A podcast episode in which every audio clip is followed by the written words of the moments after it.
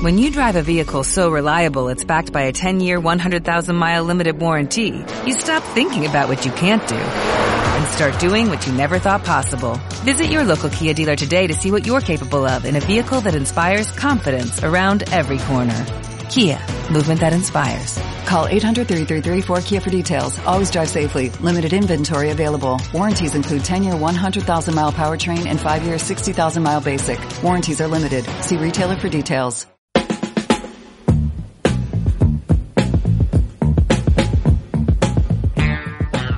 Casa de Vidre.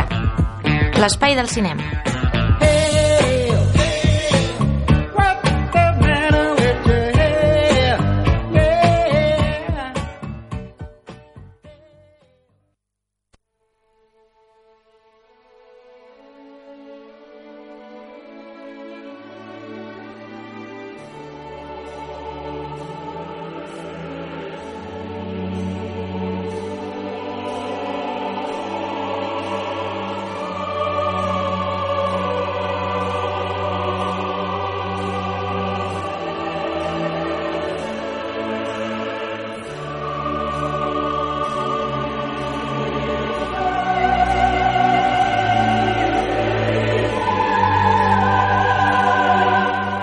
Hola, benvinguts a aquesta celestial Casa de Vidre. Dos setmanes després eh, de l'últim programa hem tingut un mes de juny un pèl accidentat, per això ara farem juny i juliol, no? que aquella temporada a l'últim compositor que dedicarem la cançó inicial i la cançó final del programa serà en aquest cas un gran que sabia que sortiria quan vaig començar aquesta tendència a principi de temporada, que és Ennio Morricone. En pie.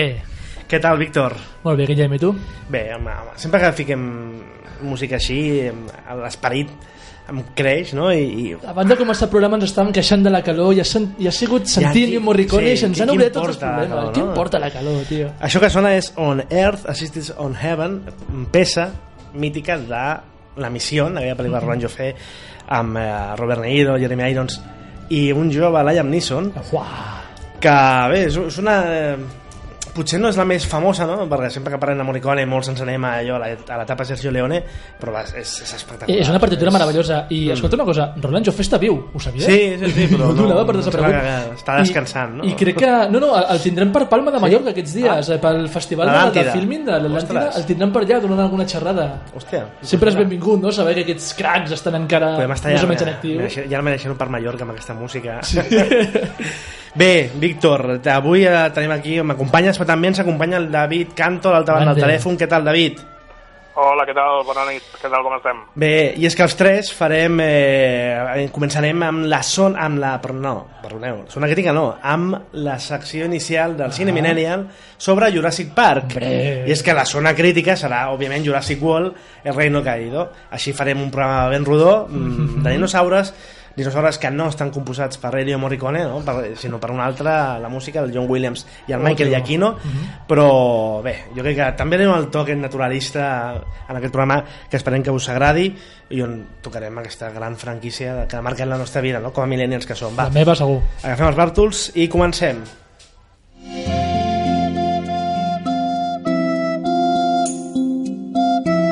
Cine Millennial.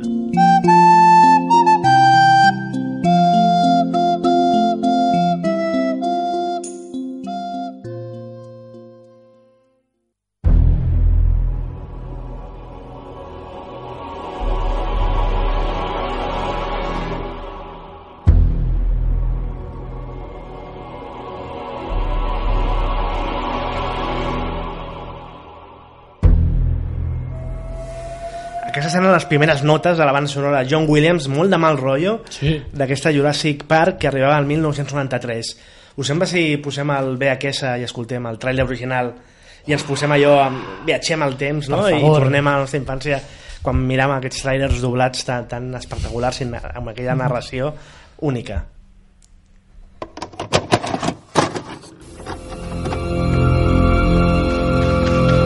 Desde el comienzo de los tiempos, el hombre ha registrado la Tierra tras las huellas de su pasado. Pero mientras algunos han buscado las claves del misterio, un hombre ha encontrado la forma de volver a darle vida al misterio. Poseo una isla, cerca de Costa Rica. Y he pasado los últimos cinco años construyendo una especie de reserva biológica. Aquí, en esta isla privada, la ciencia ha desafiado a la evolución. ¿De dónde se saca la sangre de un dinosaurio de hace 100 millones de años? La genética ha dominado a la creación. Hemos creado atracciones biológicas vivientes tan asombrosas que cautivarán la imaginación de todo el planeta. Y la extinción es cosa del pasado. Bienvenidos a Jurassic Park.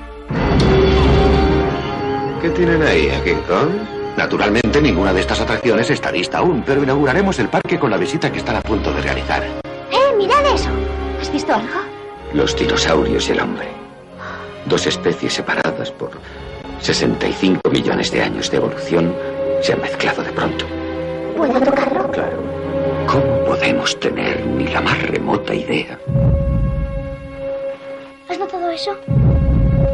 de lo que cabe esperar? El que vam acabar rebent, no? esperant, era una pel·lícula que ho va patar totalment fins al 97, que es va estrenar Titanic.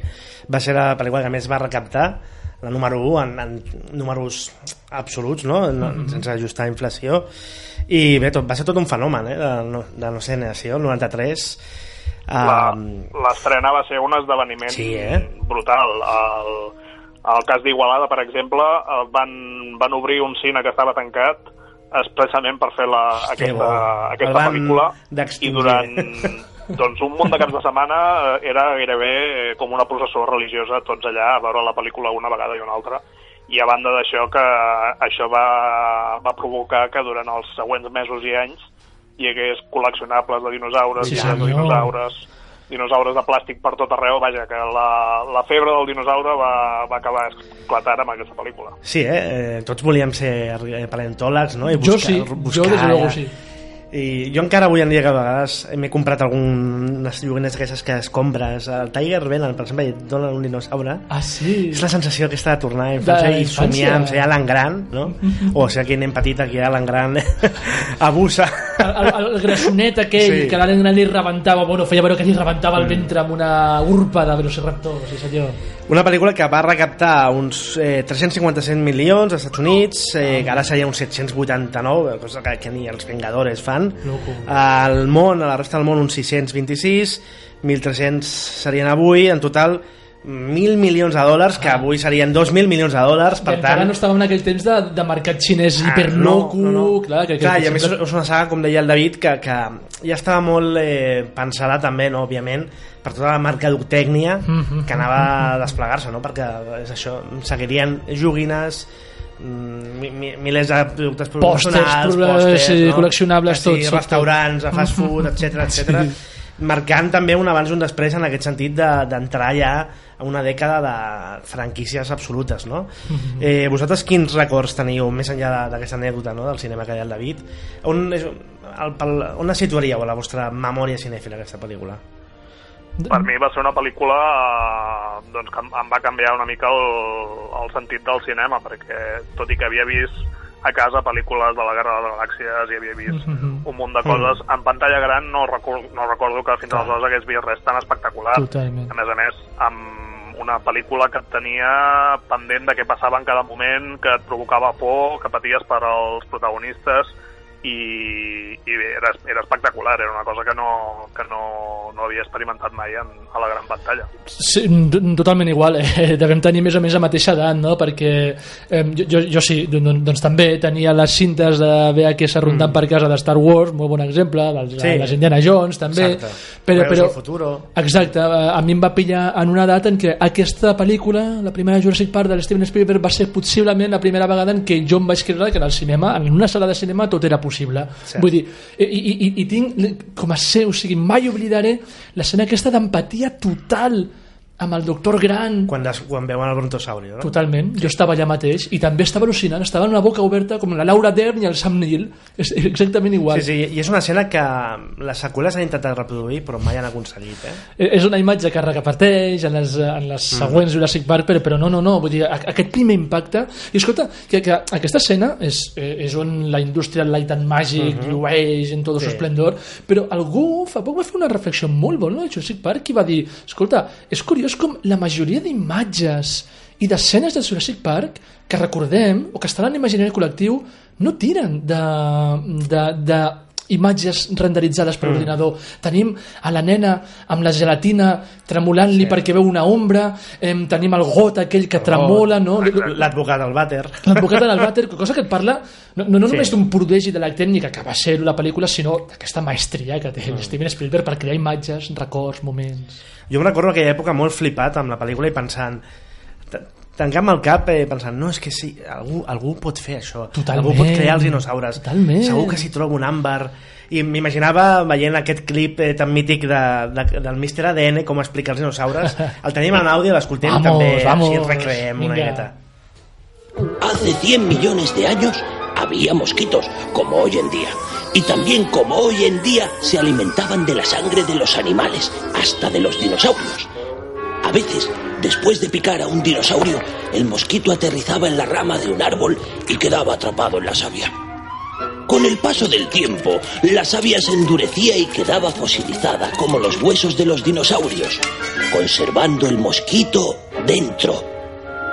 Esta savia fosilizada, que llamamos ámbar, esperó durante millones de años con el mosquito dentro hasta que llegaron los científicos de Jurassic Park. Utilizando técnicas muy avanzadas, extrajeron la sangre conservada del mosquito y... ¡Premio! ADN de dinosaurio. voilà, així de fàcil, no? Fins i tot aquest, aquest clip animat era estupendo. Aquest clip animat, a més, he llegit que va ser una ideació de l'Spielberg per resoldre com eh, portar tota la part més explicativa de la novel·la, no?, d'una forma visual. I mira, en dos minuts Geni. tu resols amb aquella escena Geni. és brutal, és que sí, sí, és així, és el que tu dius. Eh, clar, a, a nivell de Spielberg, intentem fer una miqueta allò carrera de Spielberg, que és una carrera Mm. molt, molt variada, no? I de fet, Sí. Jurassic Park sempre posa un exemple de, l'any 93, exemple del que és capaç Spielberg, que és el mateix any estrenar una pel·lícula com Jurassic Park i la llista de Schindler. El mateix any El mateix any, eh, les dues Geni. competien en diferents categories dels Oscars, eh, ja ho ha fet diferents anys, aquest any mateix, Ready Player One I amb The Post. The Post. Mhm. Clar, és una carrera que molts cops podem diferenciar entre aquestes pel·lícules més d'aventura, de, Mm. de fantasia, no? i les més serioses. el qual no fan sinó confirmar l'Spielberg com un director total Exacte. Dintre d'això, de la carrera de Spielberg, com la situaríeu, com l'analitzaríeu? Bueno, és, és, és, una, és un dels grans exemples no, que va situar l'Spielberg. Jo quan era petit mm. i quan em vaig començar a criar en el món del cinema, l'Spielberg se'l coneixia com el rei Midas de Sí. Hollywood, no? aquest, aquest senyor que tot el, que tot el projecte que tocava es convertia en or. Jurassic Park, quin millor exemple, no? Vull dir, és, era, era el rei del cinema espectacle.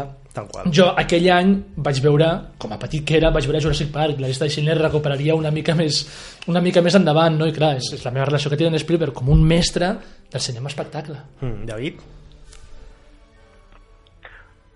David?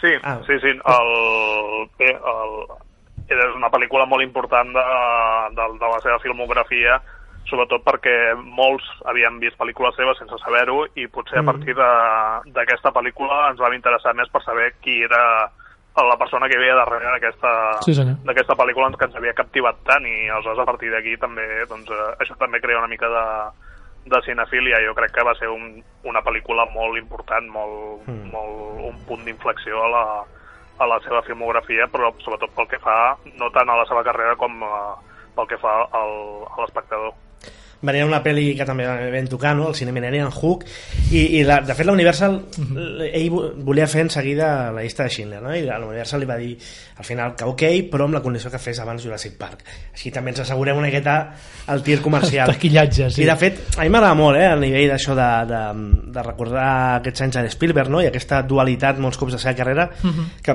ell acaba el rodatge a Jurassic Park, se'n va a Polònia i treballa la pospo de Jurassic Park a distància amb, amb satèl·lit, imagina't eh, ja els nivells que arribem a tocar i és una pel·lícula que en part agafa el relleu eh, supervisant el George Lucas i la indústria tecnològica màgic com a gran Mhm. paraigües tecnològic de veure mm, com podien fer la pel·lícula no?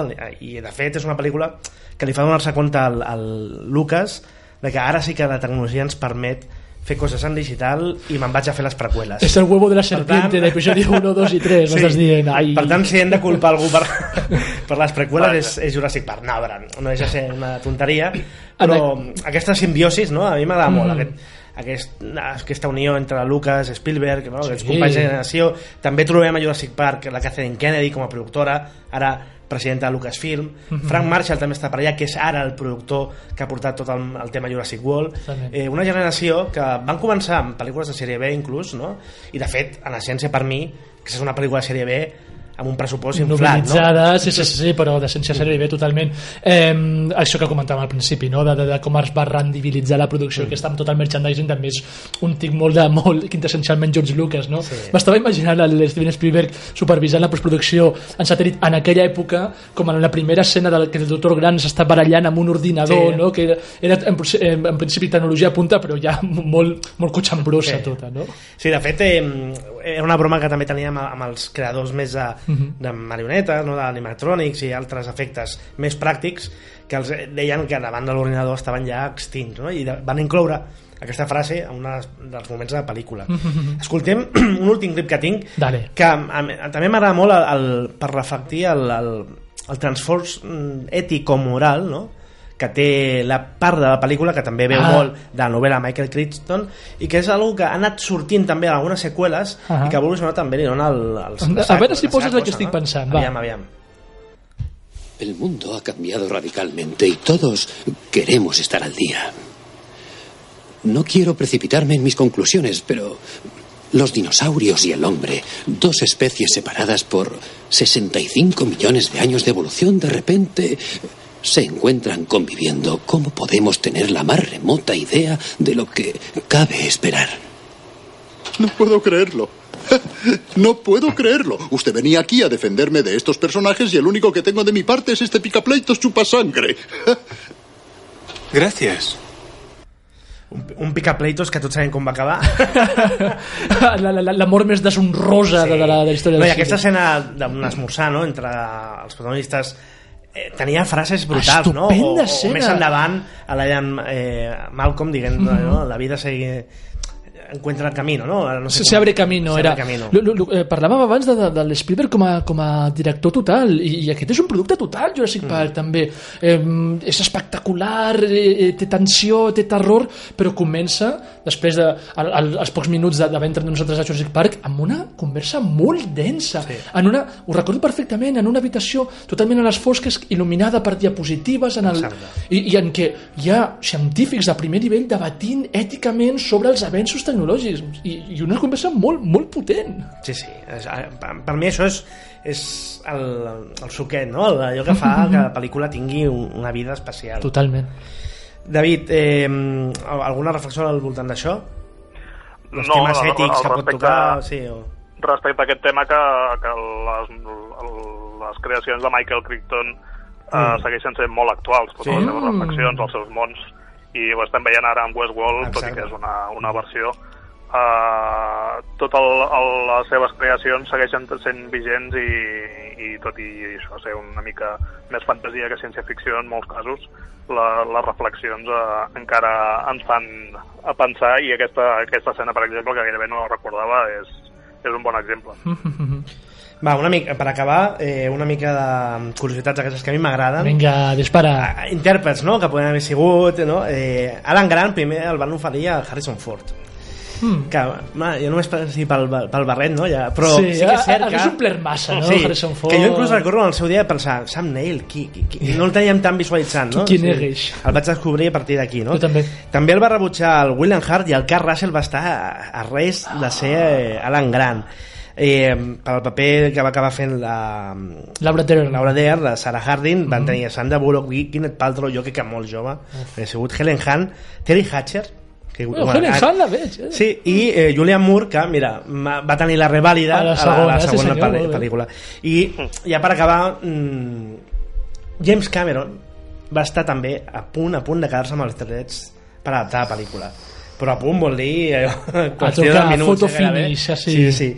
Clar, i ell després veient la pel·lícula va dir que Spielberg era l'opció ideal perquè va permetre que els nens tingués una pel·lícula més il·lusionant no? encara malgrat els mons de terror perquè la seva hagués sigut molt més adulta o més, Mhm. més terrorífica, Més no? fos- eh, eh, ja que has el tema, eh, Jurassic Park té una de les escenes que més terror em van causar a la meva infància, que era l'escena d'aquell monstre terrible que tirava verí Sí, a la amb, cara. amb el Newman de Seinfeld. Uau! La, la recordo encara amb terror i quan torno a veure aquesta pel·lícula em surt encara el tic aquest de, de, de tapar-me els ulls perquè és que no podia suportar-la Sí, sí, doncs mira, amb el James Cameron eh, t'hagués fet encara més por Encara i més. eh, ell volia Schwarzenegger, el Schwarze, Vinga. com el gra Alan Grant, un científic de primer nivell Bill Paxton, com no, com a Liam Malcolm, Ei. i atenció, i aquí jo crec que pel to de la pel·lícula hagués quedat superguai eh, Charlton Heston com el Hammond. ostres, doncs sí, t'ho compro Clar, bastant però hagués sigut un altre estil de pel·lícula que bé, eh, podem... Dinosaures aquàtics. Sí, no? ah, ah, ah, i segurament, sí, sí, Amén. perquè ja sabem que si no, no cobra royalties per la seva nau marina o alguna història. sí senyor Sí, sí, doncs bé, a- tanquem aquí el record de, nostàlgic de, i millennial no, de Jurassic Park, perquè ens toca la realitat del dia a dia, que és Jurassic World, el Reino Caído Ah, de Bayona, anem. i la farem a la zona crítica. Això sí, eh, David, eh, tot, eh, despedim, eh, però trobem ben aviat, vale? Fins la propera. Moltes gràcies. Adéu. Ciao, David. Adéu. La zona crítica.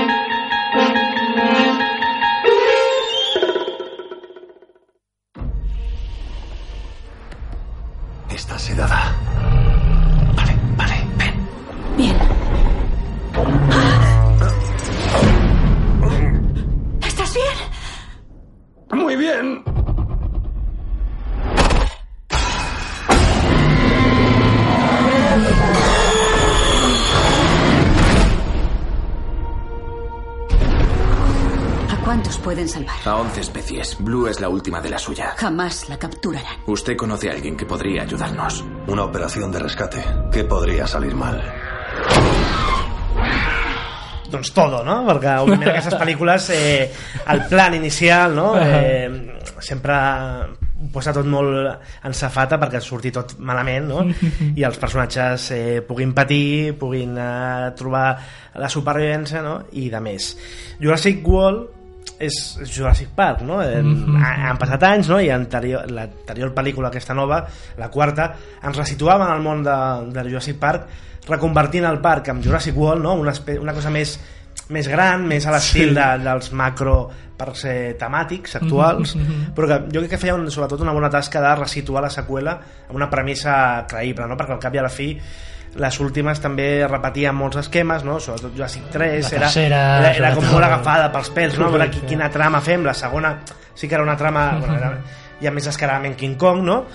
i Jurassic World això per mi m'ho va situar bé després la pel·lícula tenia bastants Mm. problemes a nivell de guió ara arriba Bayona que crec que és l'ideal per recuperar sobretot eh, la màgia visual no, estic d'acord, estic molt d'acord Què t'ha semblat aquesta El Reino Caído? Eh, M'ha semblat una pel·lícula molt, molt competent i, i, i el que et deia abans fora de micro eh, respecto moltíssim el Bayona i en aquesta ocasió el respecto sobretot per haver sobreviscut a, a un guió que, que qualsevol altra persona o la majoria d'altres directors haguessin fet una cosa molt ridícula Mm. eh, jo crec que li sap veure la gràcia al guió em sembla un guió eh, que, que pren decisions molt absurdes molt injustificades i el que fa el Bayona aquí és en comptes d'anar-s'ho pagant anar encadenant per mi amb molta gràcia situacions, sí, inverosímils increïbles, sí. però situacions sempre al límit que a mi almenys em fan estar entretingut durant dues hores. És que, tio, és, és Jurassic Park 5 ja, ja, ja, ja, no, no, no li demano més a la pel·lícula que això, i en aquest sentit per mi la pel·lícula compleix.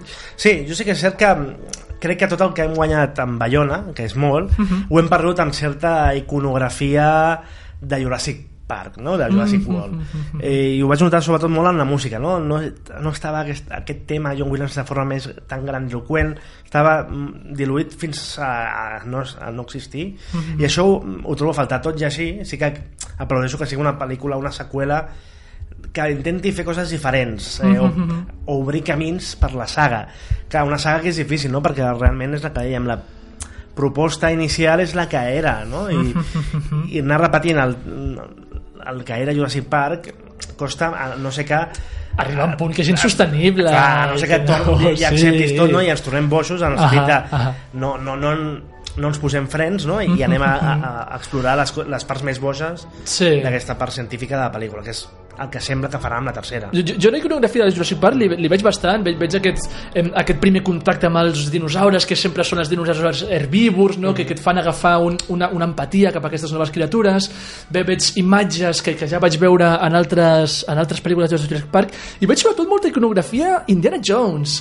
Em, mm. Sobretot Chris Pratt corrents sí. darrere i amb dinosaures com ho feia sí. Harrison Ford en la primera aquesta caravana de camions com en, en l'Arca Perdida la, Sí, sí. la, el retrobament mm. del, del, del personatge de Chris Pratt amb el de Bryce Dallas Howard és molt no, és, Indiana és evident que, que el Bayona és un deixeble total Totalment, Spielberg, no? I es nota. totalment. I ho dic com algú bo, Sí, eh? sí, sí. No qualsevol pot imitar, entre cometes, a Indiana. Jones. I ell, en aquest sentit, és un alumne avantatjat, inclús més que el Colin Trevorrow, que sí. pecava molt de certa reverència excessiva, no? Sí, i, i en aquest moment, i, i en aquest sentit, jo crec que el Bayona ja, ja, ja, ja per si solo sí. aconsegueix moments molt inspirats. Ja, la, la part Sobretot final, quan, sobretot quan la seva la pel·lícula, no? Perquè la pel·lícula evoluciona Mhm. cap a una pel·lícula de monstres en una localització molt concreta. quan degenera la cosa Sí. en una monster movie gairebé de terror, gairebé en un conte gòtic, per mi la pel·lícula és molt interessant. Quina nota li poses, Víctor? Jo un 6 i mig, va. Jo un 6 i mig, 7, estaríem Ah. més cap al 7, Ahà. perquè és molt, és molt entretinguda, això no ens hem I això li demanem. d'enganyar. Bé, aquesta setmana poquetes estrenes, Mhm. ja ho comentarem amb més profunditat la setmana vinent, Perfecte. que també comentarem pel·lícules importants que ens arriben, i us deixem amb Morricone Ah. i aquella etapa hollywoodiense dels 80, no? Hem fet la missió i ara toca Los Intocables i Elliot Ness del Brian De. Palma. Moltes gràcies, fins aviat. Ciao, Adéu. ciao.